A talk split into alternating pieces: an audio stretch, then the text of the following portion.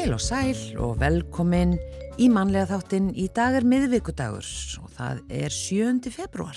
Já, uh, í dag ætlum við að fjalla um minningaratum sem verður haldinn á sunnudaginn í Hafnafjörðarkirkju um fjögur sjóslís sem áttu sér stað árið 1959 á 20 daga kabla eða tímabili frá 30. janúar til 18. februar. 153 frá 5 löndum letust í Slissunum frá Íslandi, Danmörku, Grænlandi, Færium, Nýfundnalandi já, og Nýfundnalandi. Aug minningarathafnarinnar verður opnuð tvíþætt síning þar sem að annars vegar verða sínd fjölskyldu trí hvers og eins hinn að íslensku sjómanna sem fórust og svo verður síning sem Egil Þorðarsson loftskittamæður hefur unnið um sjóslísin og aðstæðunar þessa örlaga ríku daga. Egil kemur til okkar hér á eftir og með honum verður Jónína Ólastóttir sóknaprestur í Hafnafjörðarkirkju. Í dag eru liðin 120 ár frá fæðingu Ragnars í Smára og að því tilefni verður sérstök dagskrá í dag klukkan 5 í Hannesarholti þar sem afmælisbarnsins verður minnst. Ragnar rak smjörlíkisverksmiðju, sápuverksmiðju og á tímabili einni brennisteinsvinnslu. En það sem hann hagnaðist á þar nýtti hann til að kaupa málverk styðja Íslensk tónlistarlíf og gefa út bækur. Og Jón Karl Helgason, profesor við Íslensku og menningardeilt Háskóla Íslands, þekkir æfi Ragnars í smára, já betur en margir og hann kemur til okkar hér og eftir.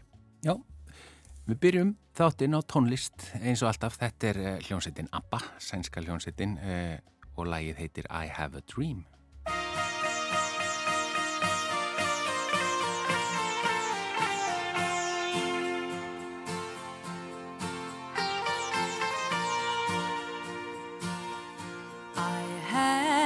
dream, a song to sing, to help me cope with anything.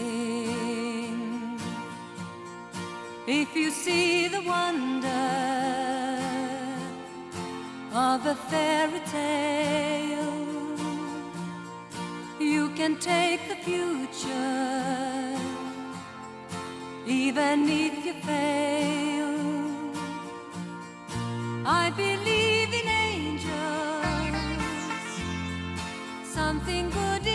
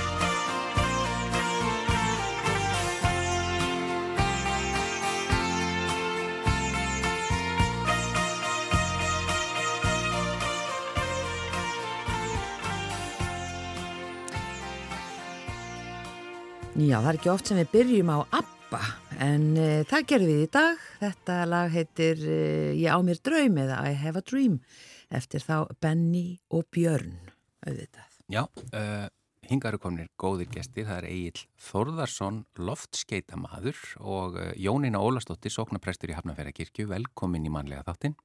Takk fyrir það. Það, það er á sunnudaginn verður haldinn minningaatöfni í Hafnarferðarkirkju um fjögur sjóslis sem að gerðust á mjög skömmum tíma árið 1959 á 20 daga tímabili og uh, af hverju er þetta, af hverju er það svona stór viðburður að það sé minningaratöfn núna, Jónína?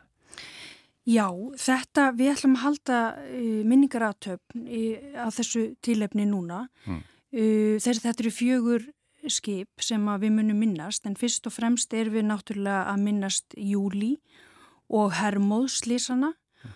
og það verður sett upp síning í kjálfarið í Sapnarheimilinu. Þetta er, þetta er verkefni sem við höfum sem ráðist í svipu verkefni áður en Hafnafjörðarsók stendur fyrir þessu verkefni og það má ég að segja alveg síðan að mannskaðin varði í halaveðrinu uh, 20 og 6, 25, 6, eiginlega ekki satt, 25, 25. 25, að þá hafi Hafnarferðarkirkja orðið svona eins konar, má segja, minningakirkja fyrir hortna sjómenn, mm.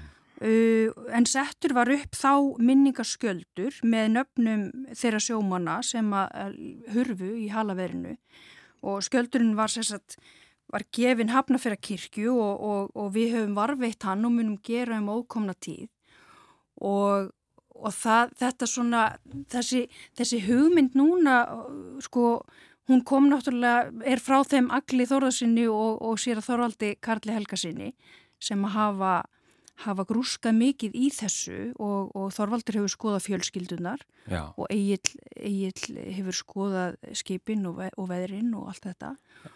Og, og, og þetta, þessi skjöldur varð svona, má segja hjá Þorvaldi saðan mér í gæri í síma, hann varð varð svona til þess að hann fór að hafa svolítið áhuga á þessum, þessum fjölskyldum. Já, og það, það verður, þetta er tvöföld síning í rauninni, það er annars vegar síning sem hann hefur unnið sem að, sem að er farið yfir bara ættartrið þeirra Íslendinga sem letust í þessum slísum. Já. Og svo er það hinsýningin þar sem að þú, Egil, e, þú ert búin að grúska og grúska í, í þessum slísum og þú auðvitað þegar við komið áður, þú og Þorvaldur og sögðu okkur frá öðru já, öð, annari minningar að þetta er þriðja svona síningin sko. Já. þetta byrja á því að, að eins og hún sagði á Jónina að, að hérna, Þorvaldur fór að horfa á skjöldin af, af þeim sem fórust 1925 með, með hérna, Fíldmarsja Robertsson sem var breskutóvari sem var gefur, gerður út á Hafnafri með 29 íslendingum og, og 5, 6 brettum og uh, þegar hann kom með fjölskyld, eða svona, já, fjölskyldu tríi til okkar og þá uh, var spurningi hvað þetta gera. Og niðurstafan var svo að hafa síningu en þá þetta búa til eitthvað um söguna. Hvernig, hvað slís var þetta, hvað var að gerast? Já. og þá fór ég að grúski halaverunum þá, þá fórust nú hvorki meira en að minna 75 íslendingar í í slísi Já. það voru tvö skip sem fórust fyrir vestan Leifur Hefni og, og, og hérna og Fíldmarsja Robertsson og mm. svo fórst bátur á sögunisjónum og svo var fólk bara hreinlega úti vestur á Snæfisnes og, og norður hérna húnásíslu og eh, þegar við vorum búin á þessu þá lág náttúrulega nást næst við að fara að hugsa um sviðaslýsið 1941, annan desember og við komum hérna í, í hérna þegar vorum undirbúið þá síningum Já. og þá minningarátum og þegar það var búið þá var náttúrulega minnast þriðja tóvaran sem að Hafnafjörðu misti með mann og mús Já. það var júli sem að ferst á þessum dögum eh, Ferst þarna, sko, veðri skellur á um klukkan 6 7. februar 1959 og það er samband viðan klukkan 23.30 og kótatímanum um kvöldið svo heyrist ekkert meira í honum veðri geysar allan sunnudaginn þann 8. og fram á eftirmiddag kvölda mándagi þann 9. Já. og þá loksins fara menna ná vopnum sínum eftir að vera búin að vera í stanslausum ísbarningi í tvo sólreika. Menn voru út á dekki að berja ís í tvo sólreika. Stanslust. Ef við byrjum bara á, á sko fyrsta slísinu þessu, af þessum fjórum. Á þessum fjórum, já. Já, það er já. 30. janúar, ekki satt? 30. janúar, já. 1959, það er Grænlands... Uh, Grænlandsværi Hans Heitoft. Já. Grænlands var hens, hans heitótt var, var byggt þarna 59 því að þá áttu að rjúa vetrar einangurinn Grænlands. Mm. Þá voru engi flugveldur á Grænlandi nema Seyri Strömfjörður og, og uh, Túle sem að bandrækjum er ráku og Danir sögðu þá það getur engi flög, kann engin að fljúa til Grænlands nema Íslendingar. Þá flög flugfjöla Íslands og dési þrem með skýðum annars slæði til Grænlands en það voru engi reglbundi flug. Já og það var enga siglingar að vetarlægi því að það var svo erfitt að, að sigla fyrir kvarfið en uh, Rasmus uh, hvað hann að danskur ráþara mm. grannlandsmáráðara Kis, Kispul, Kispul heit hann grannlandsmáráðaran, honum var mikið mun að rjúa vetarreinangur grannlands og hann fekk það í gegni að það var byggt sér byggt skip til siglinga í Ís sem ætti að geta haldið upp í síklungundi Grænlands. Og það var nefnt í, í, í höfuðið á fyrirverðandi fórstundsaráðara, Hans Heitótt sem að fór til Grænlands sem er 1948 kom við á Íslandi Þetta skip fór eh, í byrju januar til Grænlands og fer á hana sex hafnir og um, 29. januar þá leggur ára höfni í, Júlíanhopp sem nú heitir Karkortok mm. og sem hátegi daginn eftir að þá sendar neðakall klukkan 13.56 þegar mann hafa reykist á Ísjaka og hann er í sambandi við Kristja, prins Kristjánsund Radio sem er þarna rétt hjá aðeins austafum kvarfið og þýskatóran Jóhannes Kruss alveg til klukkan 6 og það er átakanlega því að á öll fjarskiptin hvert einasta orð sem hann sagt. Og hann segir hérna rétt áður en hann tímundum áður en hann heyri síðast í honum og segir hann við syngum langsamt. Við sökkum hægt. sökkum hægt og um borði í þessu skipi og, og þetta er jómfrúarferðir jómfrúarferðin og það er um borð 40 mann áhöfn 55 farþegar það er hérna dansku þingmaður það er hérna grænleinski fyrirmenn það er allt skjálasafn Suðu Grænlands frá 1780 eitthvað, alla kirkjubækur, alla vestlunabækur því þetta var svo öru gleið til að koma þessum gognum í þjóðskjálasafnið í Danmarku. Þetta fer allt saman. Og þetta, og þetta skip finnst aldrei þetta? Aldrei. aldrei ekki eftir þetta og það, það var ekki sagt, eitthvað fárviðri sem geysaði heldur þeir? Það var slæmt veður, það var, var sívestnandi veður það er kannski svolítið erfitt að fara að reykja þetta allt hér en Já. hérna að hann verist að, sko það er að Júlíu hann, það sem við kallum Júlíu hóp buktin, það er uh, buktin hérna vestan við kvarfið, það er alltaf reykjís á þvælingi fram og tilbaka mm. Og þeir reyna alltaf að komast vestur og söðu fyrir hann ís. En þegar hann kemur út á Júlíu hóp þá er, þá er ísinn 6 mil rundalandi þannig að hann fer auður ennuna millir lands og ís. Og þegar hann er komin undan kvarfið þá er ísinn 20 milur undan og hann sendir ísmjöldingu klukkan 11 Ísmeldingu? Ísme, já, ís, ís, sko, íslýsingu. Já. lýsing á ísnum á leiðinni sem hann er búin að sykla já.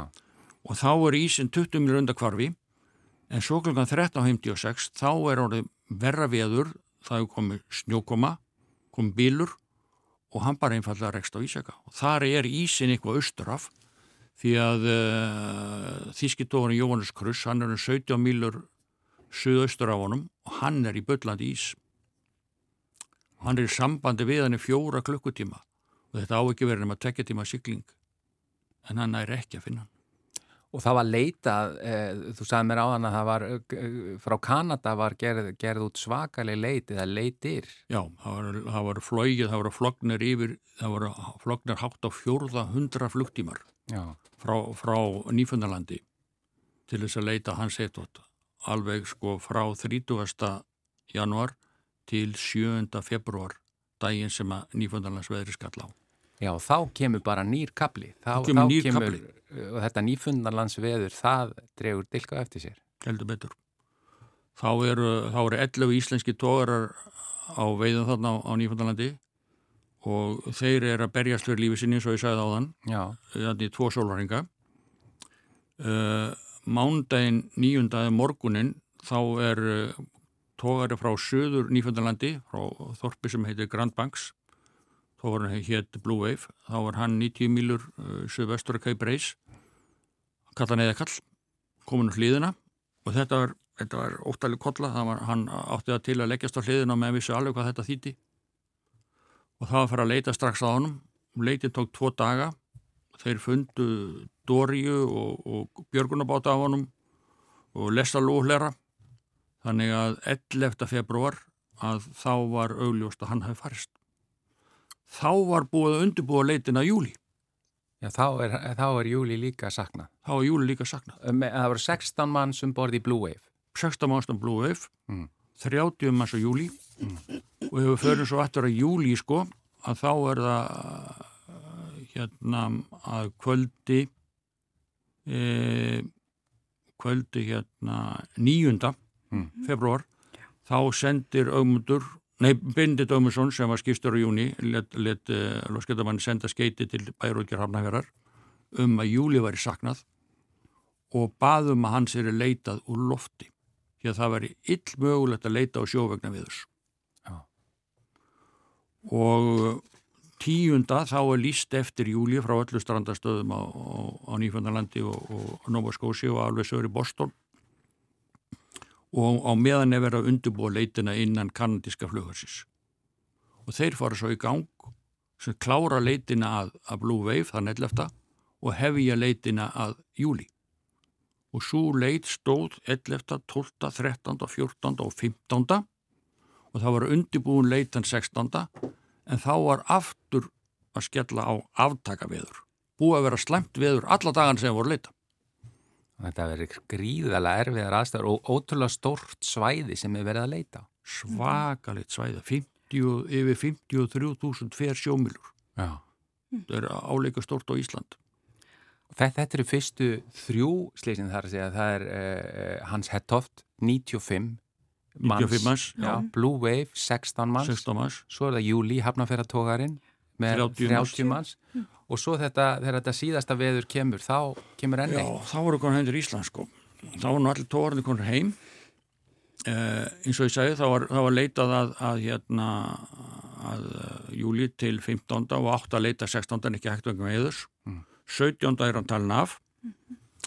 þá er hermáður, fer hermáður á stað frá Vestmannegjum, hann hafi verið á bátagæslu Vitaskip Vitaskipið mm.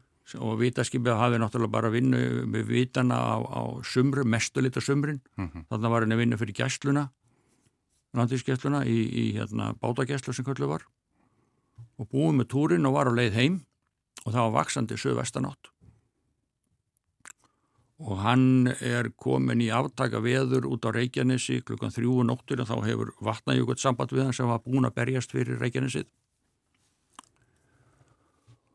og um, reyndar hafði hann verið í sambandi við Pétur Sigursson fórstöru gæslunar um kvöldið áður.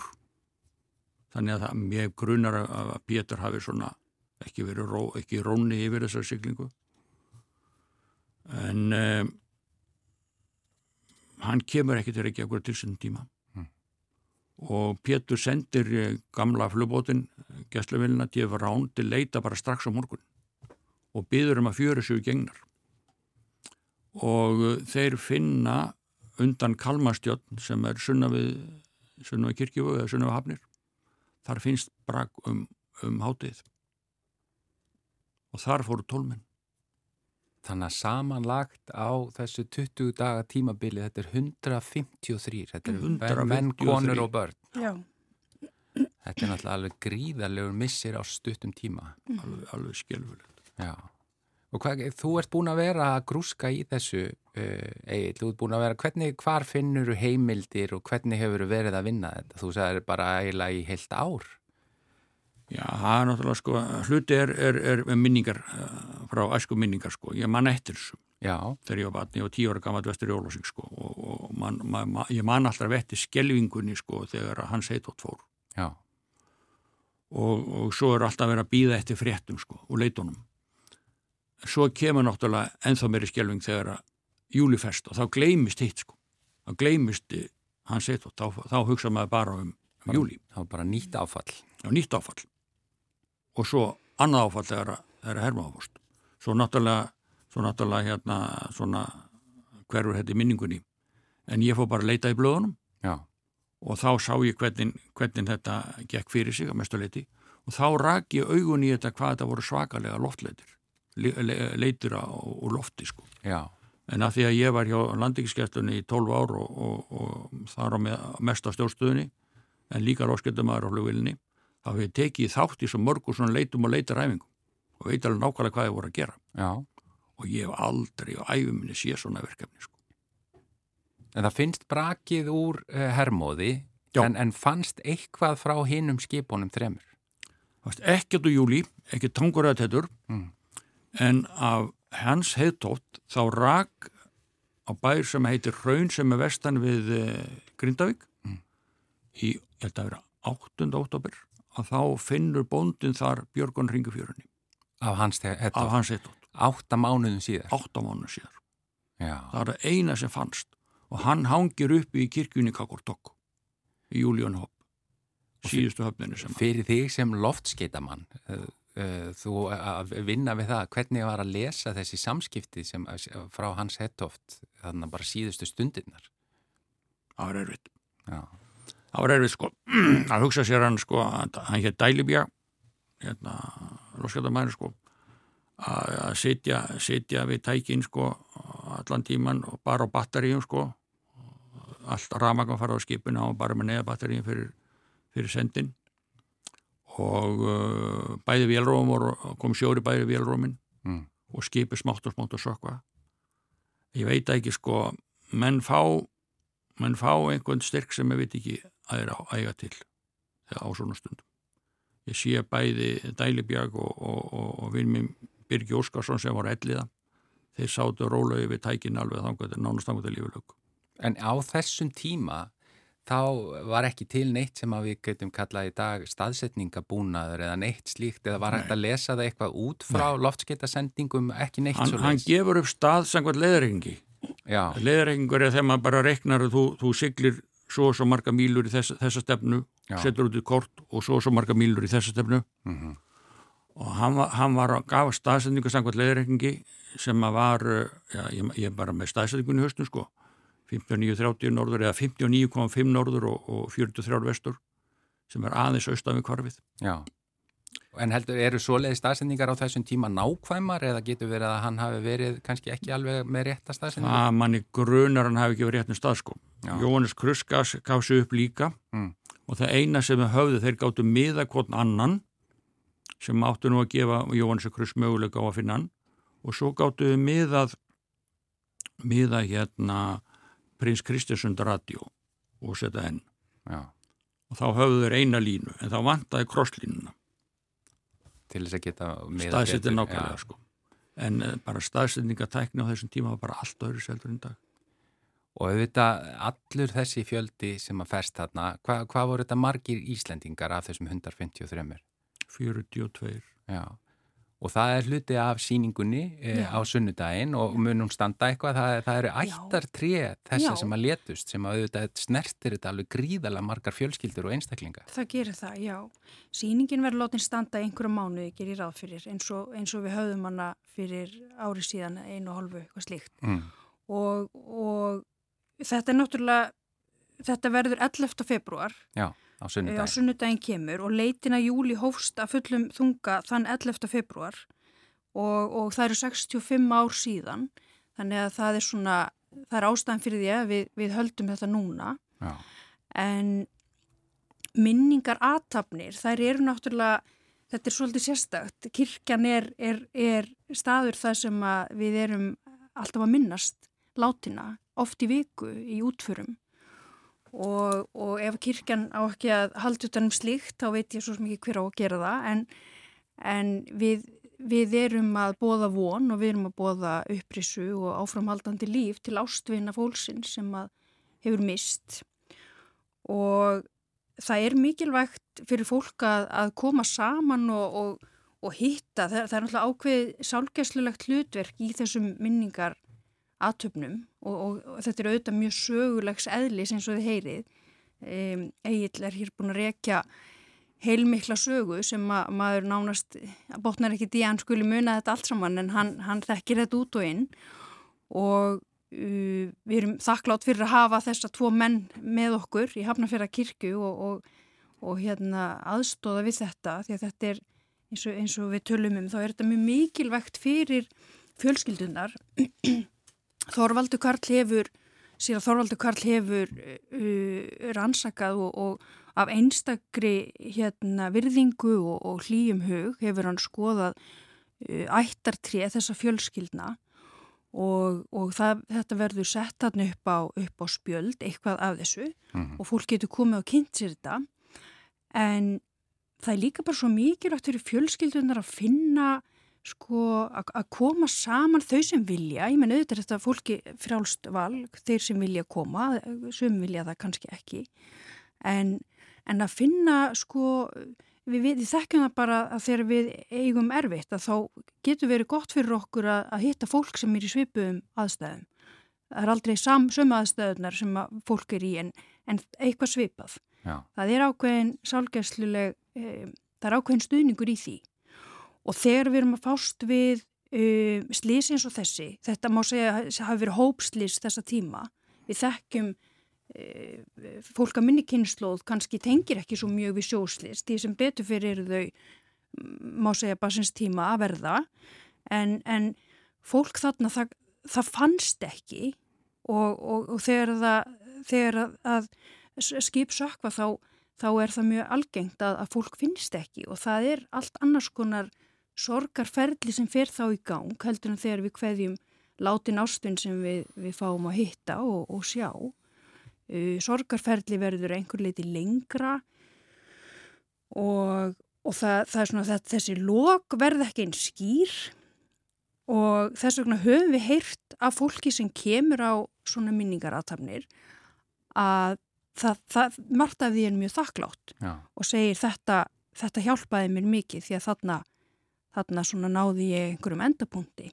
En sko minningagauðstjónustan er klukkan 11 á, á sundagin ekki sett? Jú, klukkan 11. Ja, og svo síningarna verða opnaður í kjölfarið og það Já. er þessi síning með ættartrí e, þeirra sem að fjallu. Já. En e, Egil, verður þú á staðnum eða er, ertu búin að setja upp einhvers konar síningu með öllum þessum heimildum sem þú hefur unnið?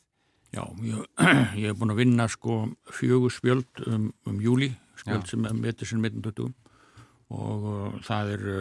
Uh, Nú frá Kára Jónasinni hérna, fréttastjóra. Hann var háseti á júli Já. 1958 og hann fljótlega fengið nefn fyrir, fyrir fréttamennsku því hann tók ákallega góða myndir. Já. Ákallega góða myndir um borð. Þannig að ég meitt spjald bara með myndi bara mönnunum í sínu vinnuungurvi. Já. Svo er um tógarana 1959 hvers vegna þeir fóru til Nýfjöndalas og, og svona aðstæður. Nú svo er, svo er veðrið og, og fyrstu dagarnir og svo er spjald um leitinnar. Svo er ég með síðarspjald um Hermóð Já. og sett út í kort og hvort vekja og svo er spjald um, um síðspjald um hvora hinna hans heitótt og, og Blue Wave. Já, og svo bara... verð ég sko, ég verð á þriðutugum og fymtutugum þarna í safnarheimilinu frá klokkan 1 til, til 3 og 13 til 15 þá er þetta að sækja í brunnin sjálfan og fá upplýsingar ef einhverju vilja koma og spjalla því að já. ég fæ ekkert minna út úr því sem að tala við hinna sko. það er ímislegt sem kemur í ljós sko. kannski gaman að segja frá því að, að fórsett Íslands Guðinni T.H. Jóhannesson hann mun ávarpa samkomuna og, og frú Agnes Sigurdóttir biskup mun, mun flytja hugvekju og við prestar Hafnafjara kirkju munum kveikja á kertum fyrir alla þá sem að uh, fórust með júli og eins hermóði. Og það kannski allt í lagi segja frá því held ég að Guðni, Guðni að sé saman um það að, að Afi Guðna var, var skipstjóri á hermóði vitaskipinu og hann var ekki, ekki í, með í för þegar að skipið fórst. Mm. en fór hins vegar með prestinum og sagði fjölskyldunum frá og við munum, Guðni mun eflust nefna það, þannig að þetta tengirst honum persónulega og við bara, þetta er opið öllum og, og, og bara allir velkomnir, öll velkomin að koma í Hafnarfjara kirkja á sunnudaginn. Jónína Ólastóttir, sóknaprestur í Hafnarferðarkirkju og Egil Þórðarsson, loftskeitamæður. Takk innlega fyrir að koma og segja okkur frá þessu í, í mannlega þættinu. Takk. Takk fyrir.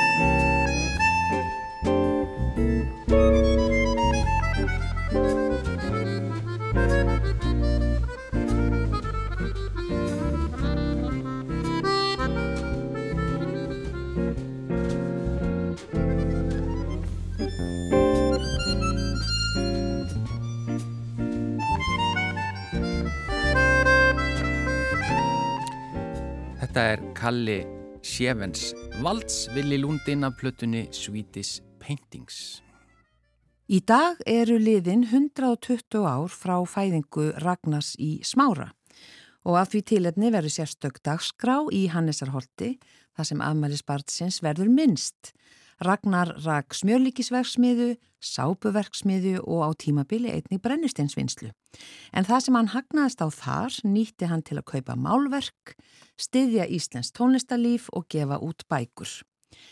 Hann er komin hingað Jón Karl Helgason, profesor við Íslensku og menningardeild Háskóla Íslands. E, já, af hverju er Ragnar í smára þér svona hugleikin?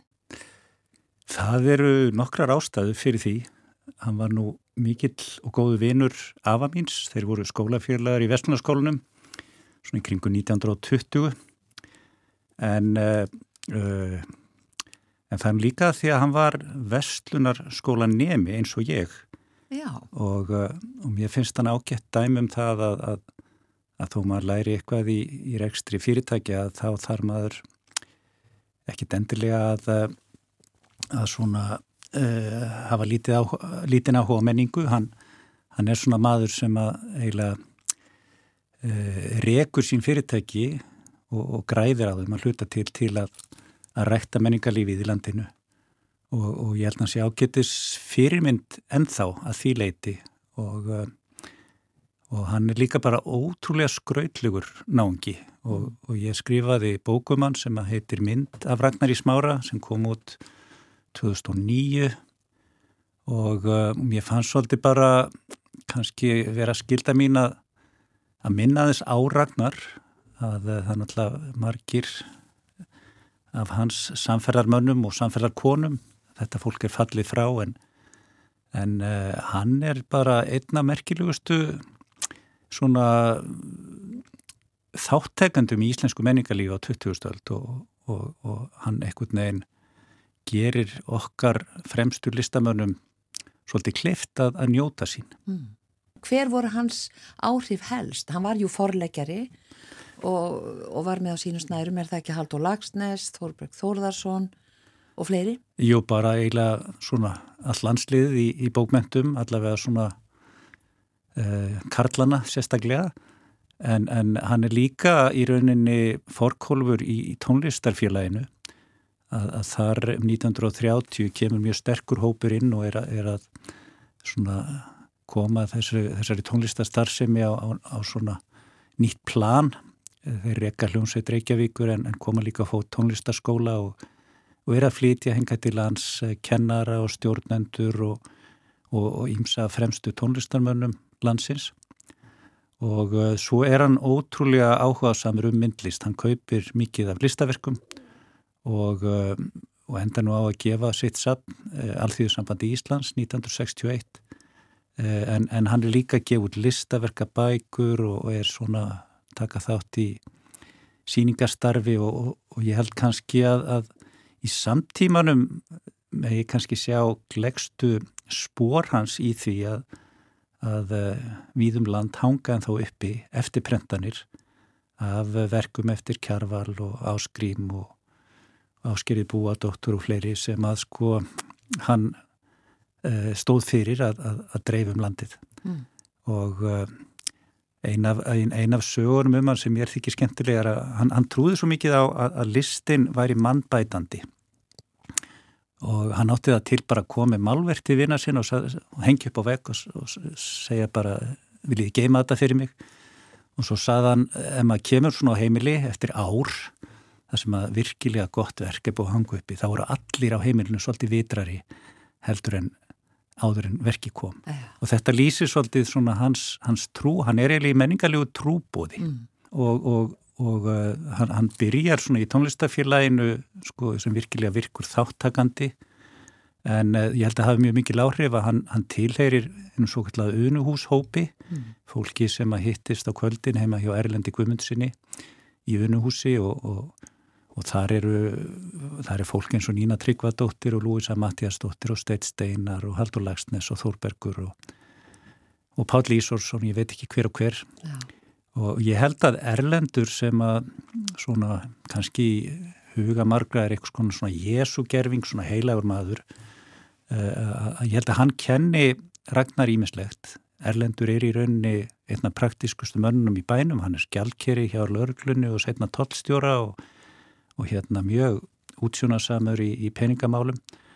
Og hann er á undanragnari svolítið í þessu hlutverki að, að, að, að eh, rítvöndar eru skrifa til erlendar þegar þeir eru peningalösur í útlöndum eða, eða velta fyrir sér ekkur í sambandi við myndlistarsýningar og svo framvegis. Og, og Ragnar svolítið tekur við kepplinu af Erlandi að vera svona allserja rettari í listalífinu. Já.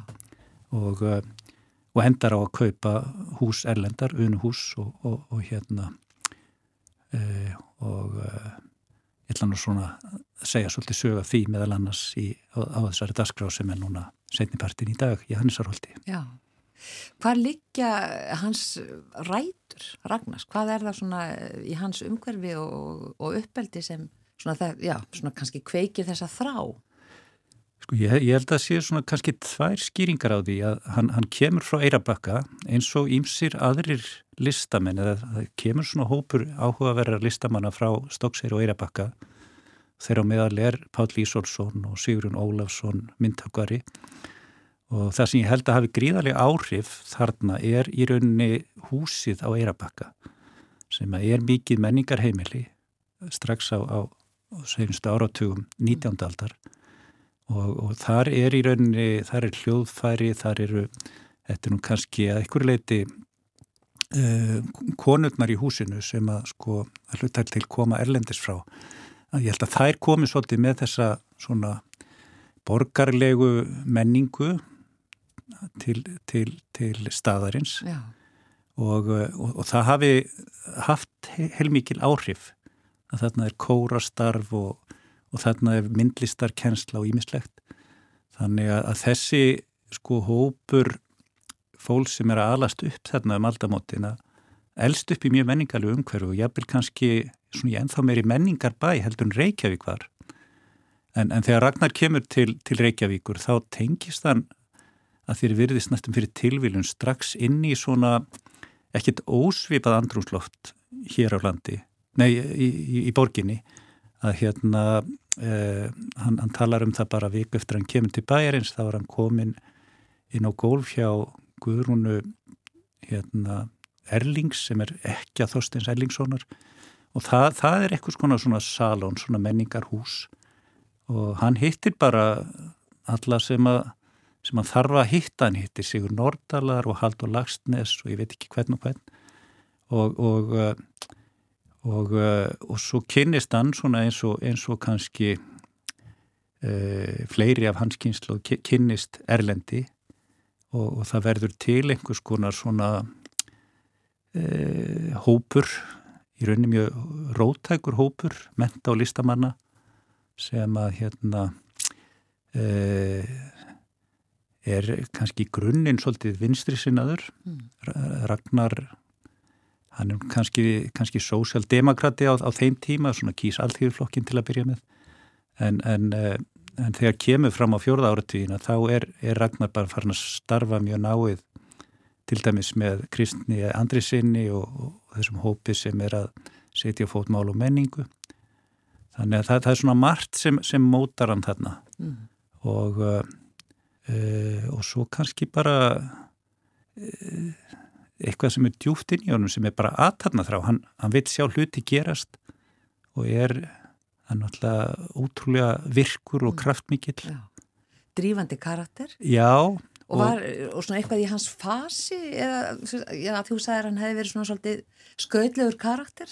Hann, hann er ótrúlega skemmtilegur karakter eh, kannski að sumuleiti líka með, með svona persónaengjani sem gáttu að vera mjög þreytandi hérna e, og maður sér það þegar maður skoði brefinas, hann er alltaf að lofa ykkur og gleymir því.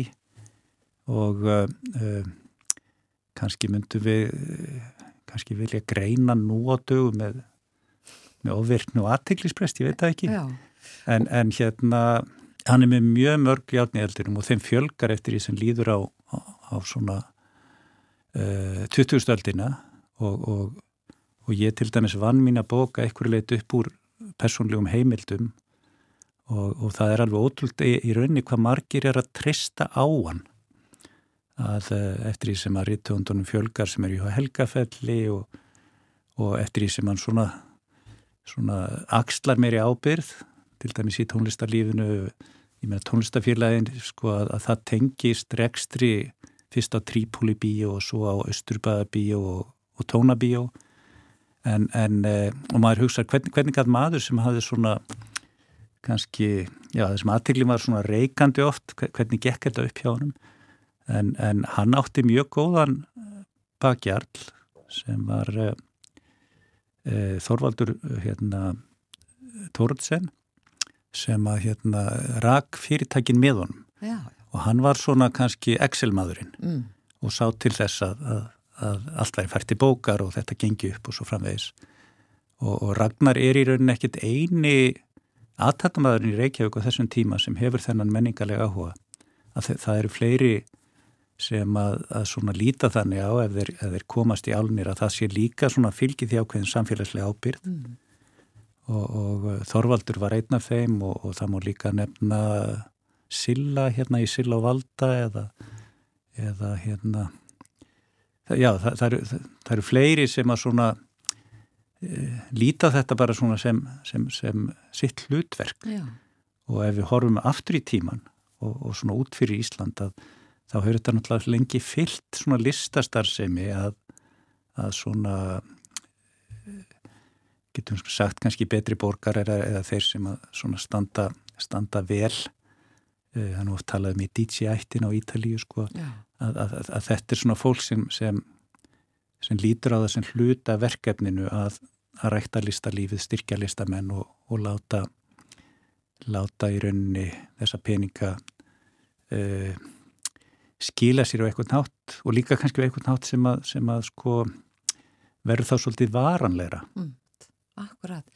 E, þessi fyrirlestur þinn, eða þessi dagskrá sem er e, núna í dag klukkan 5 í Hannesarholti, e, svona eitthvað, svona einhver lína sem þú tekur, að þú náttúrulega skrifar heila bókum Ragnar í smára en svona er einhver rauður þráður eða stiklar bara stóru? Nei, í rauninni er ákveðin lína sem að ég tek að, að, að sko þegar ég gaf út bók mín að það hafi komið út mjög skemmtileg bók sem ég mæli með eftir Ingól Markísson. Hann tók viðtöl við vini Ragnars mm. sem allir hafðu alls konar sögur að segja á honum.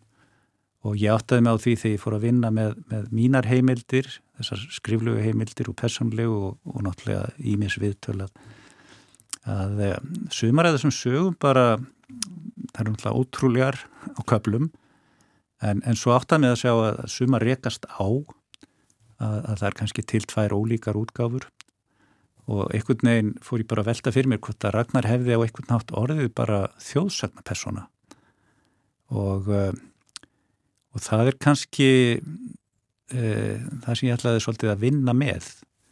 Og þegar ég gáði bók mína þá hitti ég fólk sem hafi þekkt Ragnar sem að sagði, heyri, þú, þú nærið alveg þessari hliðans svo hitti ég aðra sem bara konnuðist ekkit við þennan mann sem ég hafi líst Já. og ég fór svolítið að velta fyrir mér í rauninni hvað hvað, hvað erum við þegar upp er staðið, hvað, hvað, hvaða saga varðveitist af okkur og hvernig samræmist hún því hver við vorum eða hvað við gerðum eða hvað við stóðum fyrir. Þannig að ég ætlaði svolítið svona að vinna með þetta í dag mm. og uh, uh, við erum að vinna þetta tveir saman, ég og sónu minn Marstett Sindri Jónsson og, og erum bæði með í rauninni svona skriflegar heimildir sem við ætlum að, að svona snúa svolítið upp á en, en líka í rauninni upptökur þannig að uh, upptökur af Ragnari og, og vinumans og uh, þannig að það er svona eitt af því sem að er, er undirliggjandi að, að nú eru 120 ár síðan fættist, það eru, það eru komin 40 ár síðan hann dó og og kannski er hann bara að verða svona persóna eins og Sæmundur Fróði. Mm. skilur, maður? Mað lesum Sæmund í, í þjóðsögum Jóns Átnarssonar og, og hugsa býtu á þetta eitthvað skilt við þennan rumverlega mann?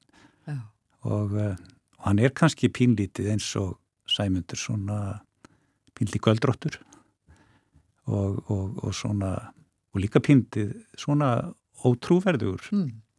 en, en hérna uh, en samt var hann til og það er alveg þess virðið að reyna að fá botni hann. Já Akkurat, kæra þakkir eh, fyrir þetta Jón Karl Helgarsson, professor við Íslensku og menningadelt Háskóli Íslands og við vorum að tala hér um Ragnar í smára og uh, í dag eru liðin 120 ár frá fæðingu hans eins og þú sagður á þessi dagskrá í Hannesarholti klukkan 5. Takk fyrir. Verði kýrt, verði hljótt, sofðu var sofðu rótt. Svo skal ég segja þér söguna um stúlkuna sem dreymir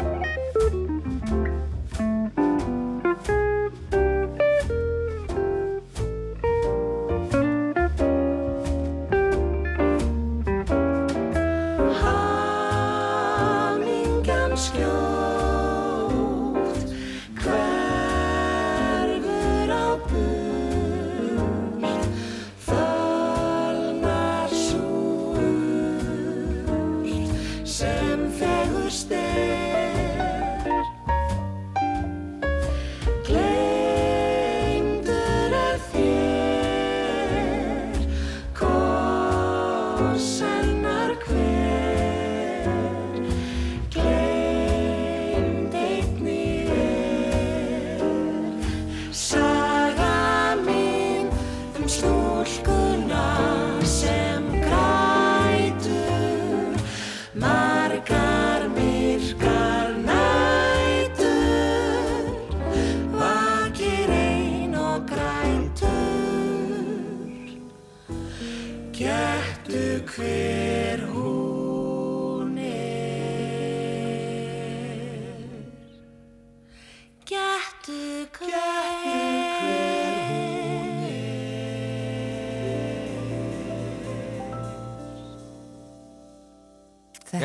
hver hún er. Já, þetta eru upp á hellingarnir og Sýrur Tólasíus, síðasta lagið okkar í dag. E, og við þökkum samfélgina. Já, við verðum á morgun í beitni útsendingu allan þáttinn e, frá Múlabæ Já. í Síðumúla. Akkurat. Og skoðum þar starfseminu og tölum við fólki þar. Það verður mjög áhugavert. En bara takk fyrir í dag. Verið sæl.